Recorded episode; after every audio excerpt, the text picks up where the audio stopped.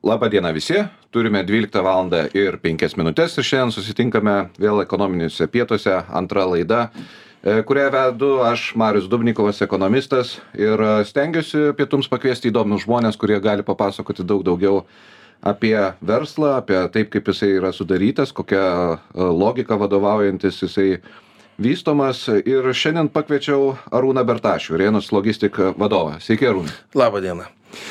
Na ką, tai turėsime beveik valandos pietus ir, ir manau, kad tos tie ekonominiai pietus e, neprailgs. Tai yra, klausytojai sužinos daugiau apie tokią sritį kaip e, transportas, logistika.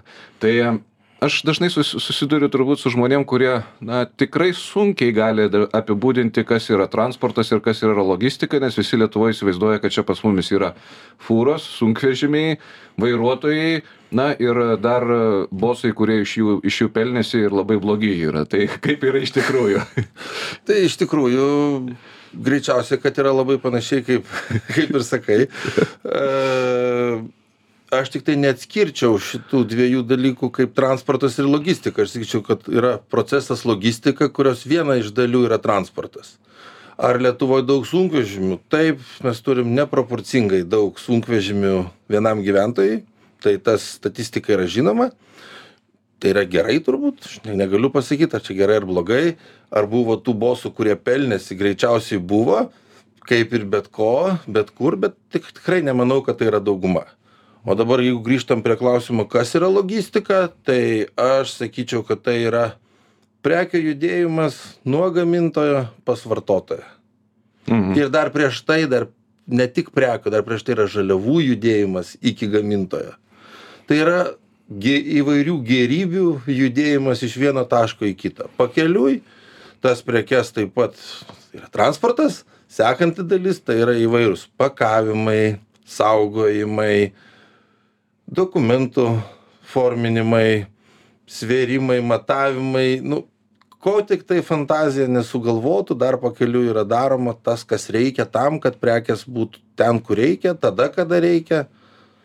Tai tiek apie logistiką. Aš ruoždamasis laidai pasižiūrėjau, kad na, transportas vėlgi apibūdinamas, nes lietuvių, lietuvių yra išskirti šitie sektoriai. Ja transportas kaip sektorius yra sukuria trylika procentų bendro vidaus produkto. Jie taip bent jau praeitais metais buvo skaičiuojama. Tai čia būtent ir susidaro tie trylika procentų vis per su per vis aš manau kad taip skaičiuoja viską. Čia yra visos operacijos. Ir transportas tai dar viena dalis yra ir vamzdynais judantys produktai. Nu mes dabar jau mažai turim vamzdynais judantys bet turim laivą kuris atjuda ir tai irgi tam tikra logistika. Nu aišku. O tai dabar kokios kokios tendencijos yra būtent e, šiame šiame sektoriuje? Tai dabar mes kaip ir daugelis sektorių greičiausiai išgyvenam tam tikrą turbulencijos laikotarpį. Ir pagal tai kaip stipriai keičiasi situacija kasdieną ir pagal tai kas vyksta mes matom kad nu panašu kad ateinam į tam tikrą rinkos korekciją tiktai dabar būtų labai gerai suprasti kurią pusę iš tikrųjų tai įvyks E, bet e, pagal tai, kokia rinka yra nerami, aš manau, kad korekcija bus. Mhm. Aišku, kada atspėti irgi labai sudėtinga. Bet, bet, bet, bet kokiu atveju prekių srautų tie netolygumai rodo, kad rinka ruošiasi kažkam tai.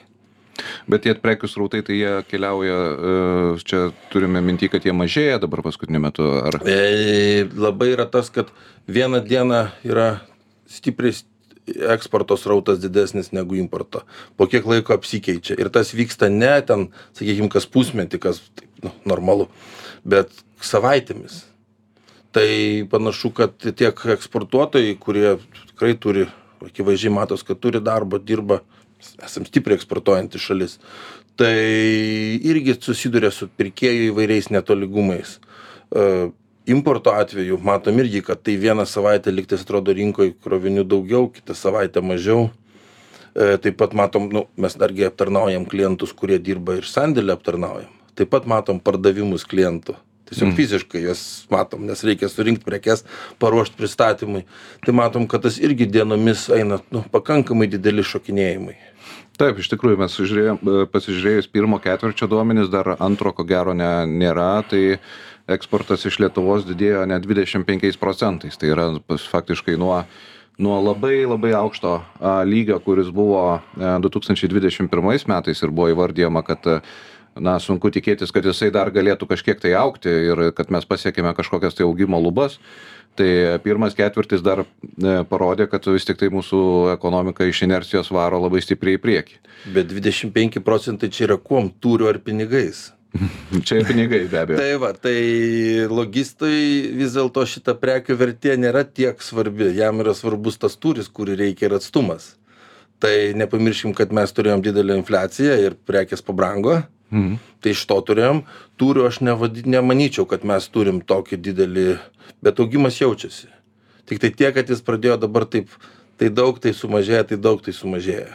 Ir tą mes jaučiam. Tai nu, mūsų darbas yra klientam padėti išsilygint ir tose pikose irgi susitvarkyti. Mhm.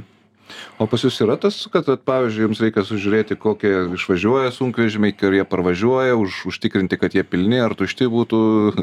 Tai labai paprastai, jeigu sunkvežimis važiuoja tuščias, tai yra nuo biznis. Na, Tai yra viskas, tai yra grinas nuo biznis, jis turi nevažiuoti tuščias, jis turi važiuoti pi, maksimaliai pilnas. Ir tai yra ekonominė, nu, paprastoji logika, jis turi važiuoti kuo daugiau kilometrų, kuo pilnesnis ir, ir nestoti. Tai ten tiek vairuotojų darbo grafikai derinami, tiek visa kita, tai masė reguliavimo. o dabar su mobilumo paketu, ta prasme, šitie kroviniai. Tad vėlgi, aš atstovauju logistus tos, kurie mes samdom vežėjus. Mhm. Ir tai yra jų darbas, pagrindinis mobilumo paketas. Mes organizuojam visą procesą ir mes esam tie, kurie su klientais sužiūrim, kaip klientui reikia. Ir nesustojam tik ties pervežimu. Pervežimas yra labai svarbi dalis, bet viena iš dalių. Nes taip pat tada yra ir sandėlio operacijos, ir, ir visa kita, ir komplektavimas. Ir tai šiandien dienai su mobilumo paketu kol kas mes to didelio skirtumo nejaučiam, bet niekad nežinai, kaip čia toliau vystysis. Tai kitaip sakant, jūs labiau, jeigu pa- pataisyk, jeigu klystu, tai uh, jūs labiau užtikrinat kliento interesus. Būtent. Taip. Būtent. Nes žiūrim, ko klientui reikia ir kaip suorganizuoti. Ir pervežimas yra labai svarbi dalis, bet ne vienintelė. Mhm. Kita tema šitos, šitos pačios logistikos. Tai akivaizdu, kad pas jūs žmonės dirba tie, kurie daug skaičiuoja ir, ir, ir, ir planuoja. Taip. Kaip, kaip yra su personalu jūsų srityje? Aš dabar jau įmoniai vadovauju 20 kažkelinti metai. Dar neatsimenu metų, kada su personalu buvo lengva. Ne, visada gerų žmonių trūkumas yra.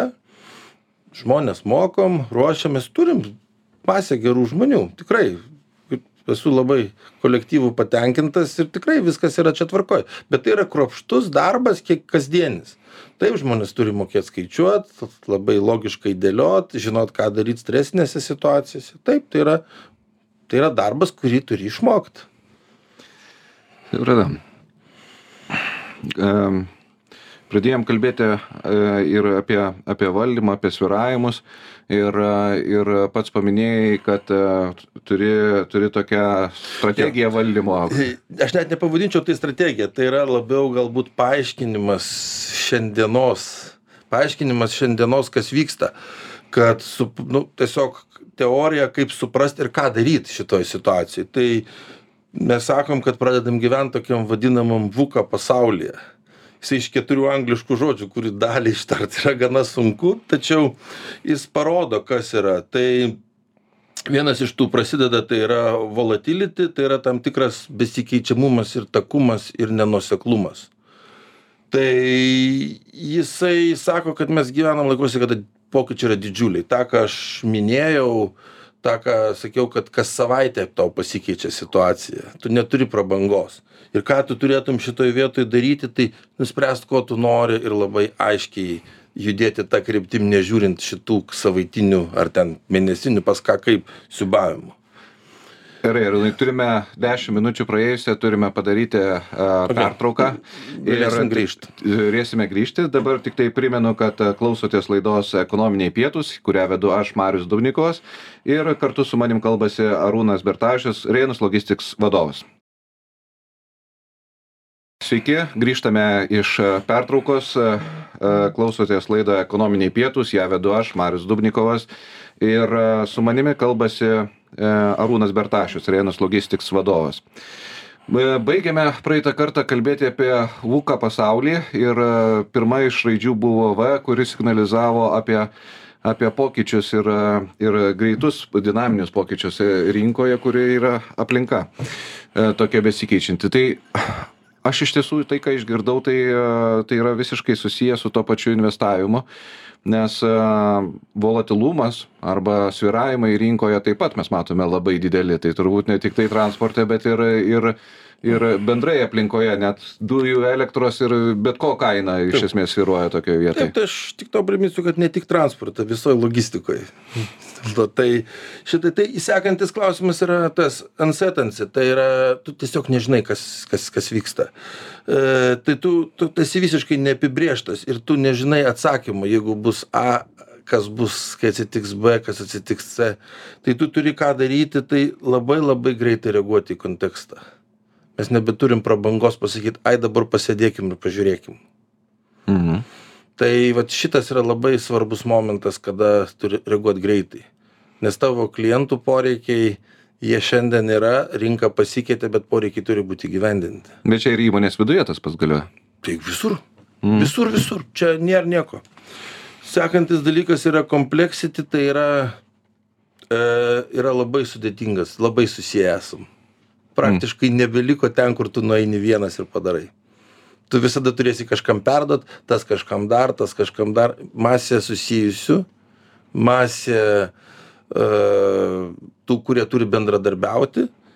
Ir kaip sako šitą šitą erą panašu kad priklausys tiem kurie bus drąsūs ir ir ir greitai sprendžiantys čia lygiai tas pats grįžtam prie to sprendimų greičio ir tas kas ir nebus tas kas sėdės ir lauks ir žiūrės ir ieškos didel tu darydamas sprendimą gali klyst bet geriau daryt ir klyst negu laukt.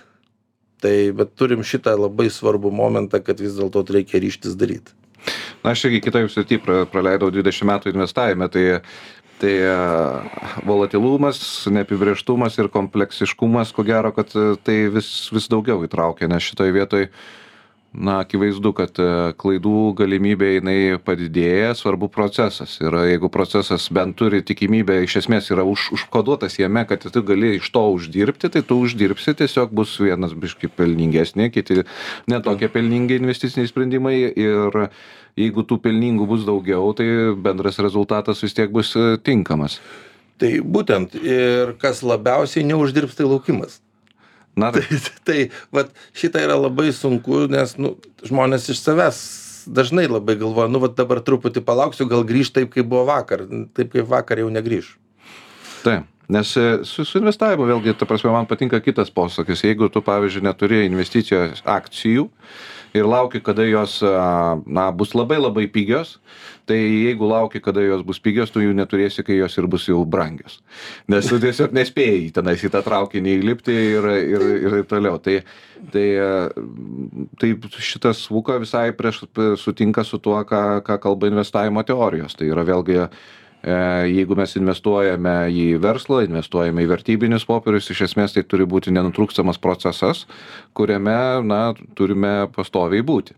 Ir e, tai reiškia, tik tai geroji žinia, iš tiesų, jeigu žiūrint į cikliškumus, vėlgi grįžtant prie volatilumo, cikliškumų, tai ekonomikoje yra toksai dalykas, kad e, geri laikai, jie yra ilgesni gerokai. Blogi tai... laikai būna skaudus ir trumpi, nes ko gero, kad žmonės iš esmės nemėgsta blogai gyventi, vis tiek gražina atgal į gerąją pusę.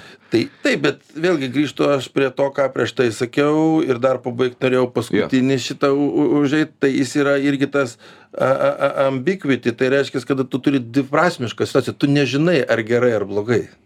Tu nežinai, nėra tokių paprastų atsakymų ir todėl ateina įvairūs dalykai kaip sakykim šitas projektų valdymas agile stilium kada tu dar iki galo net neturi visko susidėjęs. Tu pastoviai koreguoji pagal šios dienos situaciją. Tai aišku greičiausiai kad bet kuriuo atveju ekonominė spiralė sukasi į į į viršų į viršų ir į viršų. Taip su bangom bet nu bet taip yra. Šiandien dienai turim tokį pasaulį aplink save. S aš manau kad svarbiausia taip yra suprasti tą pasaulį kad tokiam gyvenam ir jeigu reikalauja sprendimų darom sprendimus. Jeigu tavo klientai sako kad nu darykit kad būtų gerai tai jūs tai tu turi daryt kad būtų gerai o nelaukt gal pagerės dėl to kad grįš seni geri laikai Bet kame tie e, gerai daryti, kame iššūkiai, vat kaip, kur klientas Nu, nu, pavyzdžiui- sako, kad vat, jūs gerai padarėte. Tai vat e, pagrindinis klausimas yra toksai, kad yra laiko laikymasis, labai svarbus momentas. Tai tu turi ieškoti sprendimų, kaip padaryti, kad būtų laiku. Kad būtų taip, kaip sutarta. Jeigu jam reikia tokio kiekio, tai jis turi turėti tokį kiekį. Jeigu jam reikia šiandien, sakykime, paruošti prekių daugiau negu vakar, tai turi turėti komandą, kuri gali padaryti daugiau negu vakar, nes tiesiog taip reikia grafikai derinasi, apmokėjimai derinasi, įvairūs dalykai, bet tu turi tą gabėt padaryti. O kur sudėtingiausia? Sudėtingiausia turbūt yra pasiryšti ir suprasti, kad tai reikia daryti. Ne, bet jeigu tai pavyzdžiui, e, įmoniai dažniausiai pokalbiai su kuo yra sudėtingiausia, kur daugiausiai problemų, kurioje srityje logistikoje yra didžiausia problema. Visų, aš taip ne, neatskirčiau, žinok. nes tai yra vėlgi grįžtų prie to pačio kompleksiškumo. Mm. Tu neturi kažkokio vieno. Šiandien biski čia, taip sakykime, yra laikai, kada tau trūksta labai darbo rankų, paprastuoju būdu. Ateina kitas momentas, sakykime, labai trūksta transporto. Ateina laikas, kada tu turi įsipareigojimus transportui, bet neturi ką daryti su juo, vėl ieškai sprendimų. Tas kompleksiškumas jisai eina pastoviai. Tai čia nėra tokios, kad vat pasakyt, nes jeigu būtų vienoje vietoje problemos, tai tiesiog tą vietą išspręstum ir daugiau problemos nebebūtų. Tai, tai atsakymas turbūt, kad tas patirtis reikalinga. Patirtis reikalinga. Taip, žinoma, patir... reikalingas kolektyvas, kuris būtų su tavim kartu ir kuris norėtų spręsti tas problemas, kuris norėtų daryti servisą klientam. Nes labai paprasta pasakyti, oi atsiprašom, tiesiog ateikite poryt. Mhm. Nu, bet e, greičiausiai tu norėtum, kad tikrai ateitų. O po šito atsakymo aš nežinau, kiek ateis. O dabar dar klausimas. 20 metų patirties logistikoje. Apimtys pačios per, per pačio rankas pereina, jos augo stipriai, Taip pasakyčiau, eksponentė? eksponentė. Ir nestoja. Ne, nestoja. Na tai mes turim padaryti vis daugiau ir daugiau, kad uždirbti labai panašiai. O geografija, kokioje jūs, prasme, tas daugiau reikia? Tai geografija irgi plečiasi, žinoma, plečiasi. Žinoma, geografija plečiasi, ateina naujos šalis, ateina nauji poreikiai, bet geografija gal aš sakyčiau ne taip stipriai plečiasi, kiek plečiasi apimtis. Mhm. Apimtis auga ženkliai. Taip, tam, kad galėtum dirbti ir uždirbti, tu turi turėti apimtis. Ok. O, ta prasme, aš tai turiu tokį požiūrį labai paprastą. Ta prasme, kad ir logistika, transportas, kas bebūtų, iš esmės e, mes esame daugiau mažiau užprogramuoti verslė būti sėkmingais. Dėl to, kad e, na, pasiėmiau tiesiog paprastą skaičių. Šiais metais maždaug pasaulyje turėtų būti apie 8 milijardus žmonių. Turėtų bai- baigti. Kas metus dabar beveik 100 milijonų naujų sielų ateina į, į pasaulį. Ir, ir natūralu, jie turi poreikius. Tie poreikiai yra milžiniški. Tai uh, kiekvienam reikės ten knygos, batų, drabužių, mašinų, visko, visko. Ir uh, pasižiūrėjus į labai įdomų skaičių, kas prieš šimtą metų buvo, prieš šimtą metų buvo 2 milijardai žmonių. Tai 6 milijardai žmonių pasaulyje atsirado, kuriems natūraliai reikia logistikos, nes viskas reikia apsikeisti šitais dalykais. Natūralu atsirado a, poreikis keliam milijardam Coca-Cola buteliukų arba tenai, sakykime, dar kažko ir tą reikia pristatyti ir reikia pagaminti. Tai iš, iš esmės verslas yra užprogramuotas dirbti ir toj VUKO pasaulyje jisai čia tiesiog reikia na, įgūdžių ir tos įgūdžius tinkamai, tinkamai naudoti. Tai būtent, tai čia, e, gi aš kaip ir minėjau prieš tai, man atrodo, kad svarbiausia yra pasiryšti ir apsispręsti. O toliau tai taip, tu, tuo labiau, kad nepamirškime, mes turim tarptautinį darbo pasidalinimą, kas irgi logistikai atnešė labai didelį postumį į priekį. Nes mes gaminam, mes perkam prekes, mes perkam daiktus, kurių pasaulis net nematė prieš eilę metų. Tu paimk maisto produktus paprastosius. Kokios bulvės tu šiandien valgai, nežinai iš kurio pasaulio galo. Tai ties bulvėm ir sustokime, nes turime daryti pertrauką. Jūs klausote laidą Ekonominiai pietus, kurią vedu aš, ekonomistas Marius Duvnikovas. Ir kartu šiandien su manim kalbėjomės su Arūnu Bertašiu, Rienus Logistics e, vadovu. Sveiki visi, grįžtame iš pertraukos, jūs klausote laidos ekonominiai pietus, kalbu aš, laidą vedu Marius Dubnikovas ir kartu su manim šiandien kalbasi Arūnas Bertašius, Rėjanus Logistics vadovas, a, kuris yra ilgametis a, logistikos liūtas, kuris a, sugeba pervežti iš vieno galo į kitą bet ką. Gerai, ačiū. Dar kartą grįžtų, logistika yra ne tik pervežimas. Ai, tiesa, visai pamiršau. tai va aš šitą ir norėjau išsiaiškinti, nes manau, kad tikrai žmonės, mo- žmonės a, pervežimai suvokia kaip tik tai vieną, vieną funkciją, kuri ir yra. Jis yra labiausiai matoma, nes mes visi važiuojam keliu ir matome sunkvežimius, e, mes, sakykime, prie parduotuvių matom žmonės, bet e, yra atliekama dar visą eilę darbų. Mhm. Tai, tai pervežimas, sakiau, yra labai svarbi dalis, bet ne vienintelė. Gerai, tai tą pabandysim užakcentuoti. A, dar viena tema, kurią visą laiką savo laidose noriu paliesti, kadangi pats esu iš investavimo srities ir, ir joje dirbu, visą laiką klausiu žmonių, ką darot su pinigais. Džiaugiuosi, kaip Šiaip tai taip, aš e, kaip, kaip, kaip žmogui, kuris e, kalba apie investavimą, galiu sakyti, taip, turim su savo šeimoje investavimo tą pasirinkę kryptį. Mūsų kryptis mes investuojam į nekilnojamą turtą. Negaliu pasakyti, kad jo ten yra labai daug, bet investuoti investuojam. Kodėl nekilnojamas turtas? Todėl, kad tai yra dalis, kuri man asmeniškai yra suprantama. Ir jeigu, sakykime, žiūrėt kitas dalis, kaip pavyzdžiui, į akcijas, tai aš sakyčiau taip, kad akcijose, mano nuomonė, akcijose galima uždirbti, bet reikia dirbti. Reikia pastoviai, kruopščiai dirbti. Ir tau turi tai patikti. Jo, tam tai aš tai pritariu ir ta prasme, kalbant apie vertybinių popierių investicijas, tai, tai, teisingas, teisingas yra pasakymas, tai yra dirbti ir pastoviai dirbti, nes a, tai yra ko gero rizikingiausios investicijos, kurias galime pasirinkti. A, akcijos yra viršuje tarp rizikos ir gražos, aišku, graža irgi gali būti didžiausia. Ilgametė, ilgametė graža 10-12 procentų.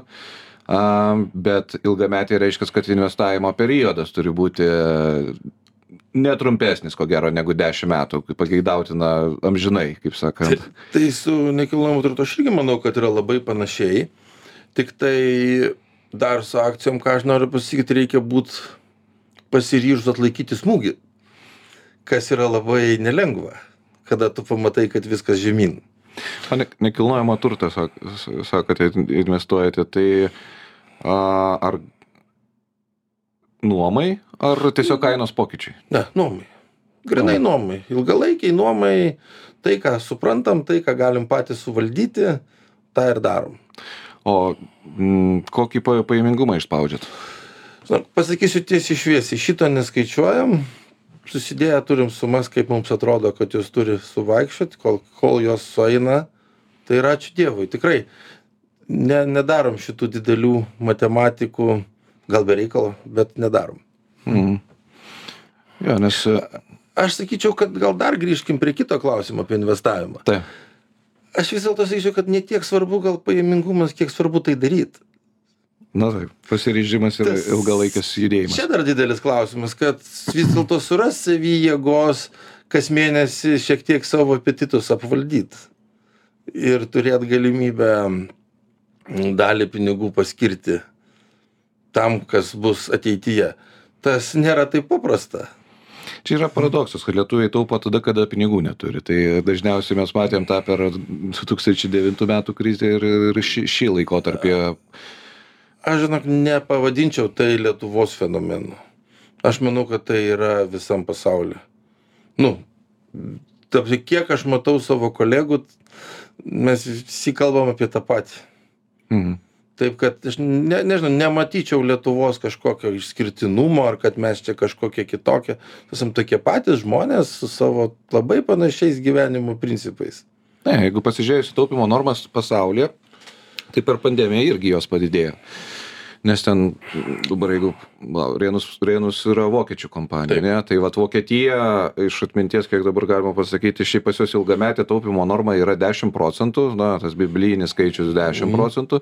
Per pandemiją kai buvo uždaryti taupymo norma pakilo iki penkiolikos šešiolikos procentų. Tai tai irgi kriziniu laikotarpiu taupymas didėja taip galima tą patvirtinti ko Tai mes pirmiausia nepamirškim, kad mūsų ekonomika gyvena tokį pilną ekonominį gyvenimą šiandien dienai kokie 20 metų. Pirmus 10 mes praleiskim, nes iš vis nelabai supratom, ką čia darom. Ir kokį 20 metų. Kas tai yra, nu, mastu Europos, neimkim jau ten labai plačiai, paimkim Europos. Tai nu, yra mažas laiko tarpas. Tai yra mažas laiko tarpas, nėra to įpročio, nėra to įgūdžio. E, Ir atsirado pirmieji pinigai pas žmonės ir natūralu tenkinami tie poreikiai lengvieji. Mhm pavalgyt Nu, aš nevadinčiau tai gal tik pavalgyt, bet yra įvairių Nu, dalykų. plačiąja prasme pavalgyt, ta prasme, nu, kaip sakant, turėti turėt automobilį, turėti kūro už ką užsipilti, nuvažiuoti į kiną ir panašiai. Taip, tai būtent. Ir tada, jeigu tas poreikis jų nevaldyt, nu gale mėnesio, akivaizdu, kad yra šiek tiek trūkumas. Tai, tai aš tai vis dėlto grįžčiau prie to, kad pirmo užduotis yra ne pajamingumą skaičiuoti, o aplamai turėti patį procesą. Kas, manau, dar labai daug erdvės yra. Taip, tai iš tikrųjų. Ta prasme, veiksmo atlikimas yra sudėtingas pri, pri, pri, pri startuoti. Jeigu, jeigu nori kažką turėti arba nori kažką uždirbti, tai vis tiek pastangos turi būti dėtos. Iš nulio pastangų padauginus bet kokį veiksmą turėsi nulio rezultatą. Tai čia nieko stebuklingo mes neatrasim. Čia viskas jau atrasta iki mūsų. Ir, ir laikas yra svarbu, nes a, jeigu vis tik tai investuojame, periodiškai investuojame, kas yra gerai, a, kur nė- nėra, nėra iš, išvengiame tų didelių sviravimų periodiškai investuojant kas mėnesį, nes nu, nusibraukia aukštumos, ta prasme, nusib, išnyksta viršūnės, išnyksta didžiausi prakritimai, turime kažkokį tai, tai vidurkį. Ir dar investavime yra svarbu laikas. Tai yra, kiek laiko tu tuo užsiemi. Bet mano nuomonė, žiūrint, sakykime, į mūsų, aš tai labiausiai žiūriu į pensijos pakeičiamumą. Pa, praskleisk. Nu, tai yra, kokį santyki nuo šia- šiandienos pajamų tu garantuosi savo, sakykime, iš valstybinės pensijos. Tai aišku, čia tie skaičiai, kurie skelbiami vidutinio atlyginimo su vidutinė pensija, viskas tvarkoja. Bet jeigu tu kažkiek stengiasi ir to atlyginimas yra didesnis už vidutinį, tai pakeičiamumas yra minimalus. Tai betgi nesinorės kažkurio momentu uždaryti visą savo gyvenimo. Tai Nu, mes turėtumėm apie tai pagalvoti, kad šiandien keli procentai sumažinti poreikiai, tuos keliasdešimt procentų pagelintus poreikius kažkuria tą dieną. Tai kiek vadovui reikėtų procentų pakeičiamumo? Aš manau, apie 70 procentų reikėtų. Aš taip savo skaičiuoju. Mm, keliamas tikslas. Keičiamumas. Tai čia yra, čia yra mano, mano namuose suskaičiuotas noras. Na taip, nes e, tikriausiai iš, iš sodros mes turėsime turbūt kokią 20-30 procentų pakeičiamumo, gal šiek tiek daugiau. Mm, vargiai daugiau. Dargi daugiau, tai tada iš praktiškai tiek pada reikia susirinkti. Taip. Tai yra ir trečia pakopa, naudojatės trečia? Ja, taip naudos. naudos. Vi- Visais įmanomais būdais. Gerai, einame į pertrauką. A, la- jūs klausotės laidos ekonominiai pietus, laidą vedu aš, Marius Dubnikovas ir su manim kalbasi Arūnas Bertašius, Rėnas Logistics vadovas. Grįžtame iš pertraukos. Jūs klausote laidą ekonominiai pietus, ją vedu aš, ekonomistas Marius Dubnikovas ir kartu su manim yra Artūnas, Artū, atsiprašau, Arūnas Bertašius, a, Rėnus Logistics vadovas. Kalbamės apie logistiką, apie investicijas, apie tendenciją ir apie VUKA strategiją, kuri yra naudojama įmonės valdyme. Klausimas toksai. Dažnai įsivaizduojam logistiką kaip tokį kietą biznį verslą, kur, a, kaip sakant, kietos vyrų rankos a, suka, suka vairą. Ar tai yra, techno, ar tai, ar yra vietos logistikoje technologijoms ir šiuolaikinėms investicijoms? Tai gal ne, nesakyčiau, kad yra vietos, sakyčiau, yra privaloma tą daryti ir tą aktyviai darom. aš kaip pavyzdį gal pasakysiu kaip keičiasi mes prieš šešis metus prieš septynis metus mes turėjom vieną žmogų kuris buvo atsakingas už mūsų it ūkį. Tada taip buvo. Šiandien dienai mes mus dirba šeši žmonės. Dalį dar mes procesų mes turim iš savo centrinio ofiso. Gal ne tiek daug bet šiek tiek turim. Tai pinigai eina dideli. E, prog kaip sakyt produktus vystom ir be it nu šiandien dienai tai tu nieko nepadarysi. Iš esmės logistikoj ta dalis vat ką mes matom tą vairą kuris irgi su technologijom yra labai stipriai susijęs jau šiai dienai. Bet jeigu paimti sandėlio operacijas tai net nerastum kur prekė kuri padėta jeigu tai nebūtų sistemoj o robotizacija arba šitie mandri žodžiai kurie yra dažnai naudojami ar randa vietos pas jumis? Taip žinoma. Žinoma randa. Aš nežinau ar robotizacija šiandien dienai mandras žodis. Tai yra tiesiog žodis kuris yra kasdienybė ir yra visa eilė procesų kurie yra robotizuojami. Tai ir mes į tai einam. Taip tikrai. O kur ta prasme nu, sandėliai nu, nu, pavyzdžiui toks paprastas pavyzdys. Sakykim šiandien dienai jeigu pasižiūrėsit sakykim paprastą dalyką sąskaitų administravimą šiandien dienai turbūt daugiau kaip truputį daugiau kaip aštuoniasdešim procentų sąskaitų yra invo priimamos automatiškai. Apskaitomos automatiškai. Niekas nebeprisideda prie ten nieks nebelandžioja jau. Tiktai tos kurios neatitiko kažkokių reikalavimų yra žiūrimos. Lygiai taip pat sąskaitų išrašymas labai didelė dalis yra tiesiog daromos mašinos. Tai kaip pavyzdys čia toks vat kasdieninis vat visiškai elementarus pavyzdys na gerai tai tada jeigu jau robotizavimas skaitmenizavimas atėjo ir į logistiką klausimas toksai ta prasme žmonės dažniausiai bijo kad e, visi šitie procesai lems kad tų žmonių tose įmonėse neliks. Personalo skaičius padidėjo ar sumažėjo? Mm, nei jeigu kuriuo aspektu žiūrėt padidėjo personalo skaičius todėl kad apimtys padidėjo. Mm o niekaip nekeičia ta prasme kad darbų yra. Ir yra darbų ir yra netgi sakyčiau geriau apmokamų darbų. Sudėtingesnių darbų. Sudėtingesnių darbų. E, tai keičiasi tik pobūdis bet niekaip nesikeičia skaičius. Aš nežinau man atrodo kad e, tas kas nori dirbti jis nu bus reikalingas e, darbo rinkoj bet kuriuo atveju. Taip kad čia tokia baimė jinai nu mes čia paimkim tą visiškai klasikinį atvejį kaip sakė kad nu audimo mašinų audėjai neturės darbo argi taip. Nu ne. Nu, tai tai va tas pats tai- pavyzdys kad tai po šimtas milijonų gyventojų dirb gimsta kiekvie kiekvienais metais pasaulyje ir visi turi darbą tai turės darbo keisimės mes e, nepamirškim tą kad kada čia keturioliktais metais na jau virtualus virtuali pramonė sukūrė daugiau pridėtinės vertės negu šita seno nu senoji nepavadinsi pavyzdžiui tradicinė tai jinai ir toliau kurs. Tai virtualiai pramonei reikės žmonių. Ten nėra tiktai programeriai. Ten yra žmonės kurie daro visiškai kasdieninius darbus ir kurie nėra nei programuotojai nei ten dideli it žinovai bet jie žino procesus jie moka tvarkytis jie moka pirmiausia tai susiderinti tarp kliento ir tavęs poreikį yra labai nepaprasta. Tik išgirst išmokt ir tai tų žmonių reikės ir reikės tai čia šitoj vietoj aš visiškai manau kad yra be pagrindo baimės bet nu kaip ir visada bijom naujo kaip visada bijom besikeičiančių grįžtu prie tai ką pasakojau bet šitie laikai labai privers nustot bijot. Už tai kad jeigu tu tiktai pabijosi tu tikrai gali iškrist iš darbo rinkos. Šitoj sakant, vietoj yra. bijoti veiksmo, jeigu bijai veiksmo, jisai tave nu- nuvers į vei- neveikimą praktiškai. taip tu jeigu tu ne ne nenorėsi veikti netgi vietose kurias tu nelabai išmanai šiandien dienai. Nes mes šiandieno šiandieną dalies paslaugų aš esu tikras kad kitais metais mes turėsim vėl kažkokių porą naujų paslaugų apie kurias šiandien mes dar net nežinom. O už dešim metų mes turėsim visą eilę procesų kurių mes net neįsivaizduojam. Ir jie bus kasdieniniai mūsų procesai O tai logistikoje, pavyzdžiui, nu, vat, nu kokį nors vieną tokį naują pavyzdį tos vat, funkcijos veiklos, kuri, kuri atėjo.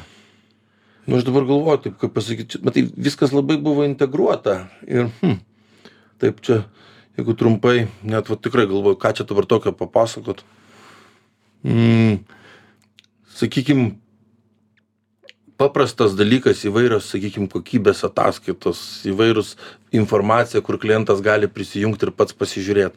Prieš penkis septynis metus jos nebuvo. Šiandien dienai mes jas turim pas daugelis. Tą patį sunkvežimį nepamirškim prieš dešim metų mes siuntėm užkrovimo adresą faksą į vokietijos kolonėlę nu gal daugiau biškį prieš dvylika metų. Šiandien dienai tu matai jį tiesiogiai e, savo ekrane ir ir ir kaip sakyt rašai vairuotojui tiesiai žinutę. Tai čia jau šiandien dienai tai net nėra joks stebuklas tiesiog yra kas nu kasdiena kaip kasdiena. O dar net nu dešim metų man atrodo nėra ilgas laiko tarpas.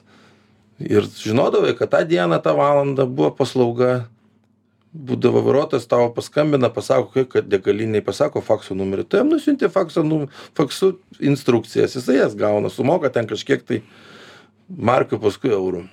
Gerai. Ką įsivaizduojate per sekančius dešim metų kaip gali keistis?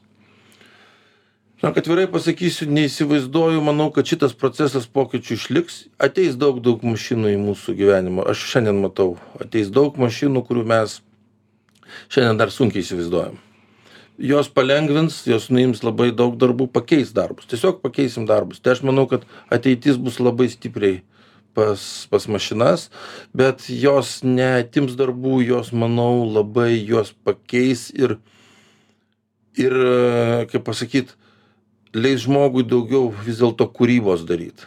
Nes nieko nepadarysi mus kūrybingais privers būti būtent mašinos kaip nebūtų keista. Okei šu darom paskutinį šuolį laida eina į pabaigą koks vadovo hobis? Aš dabar čia pavasarį, bet visiškai pradėjau, pradėjau bandyti žaisti golfą. Kol kas, taip sakyčiau, ne kažką, bet pabiški judu į priekį. Tai procesas metų metais, jeigu užteks entuzijazmo. Ir tiesiog toks, toks hobis gana laiko imlus. Gerai, ačiū Arūnai. Um, Jūs klausėte laidą Ekonominiai pietus ir laidą vedžiau aš, Marius Dubnikovas, ekonomistas. Kalbėjome kartu su Arūnu Bertašiu, Arenus Logistics vadovu. Ačiū Arūnai. Ačiū. Kaip.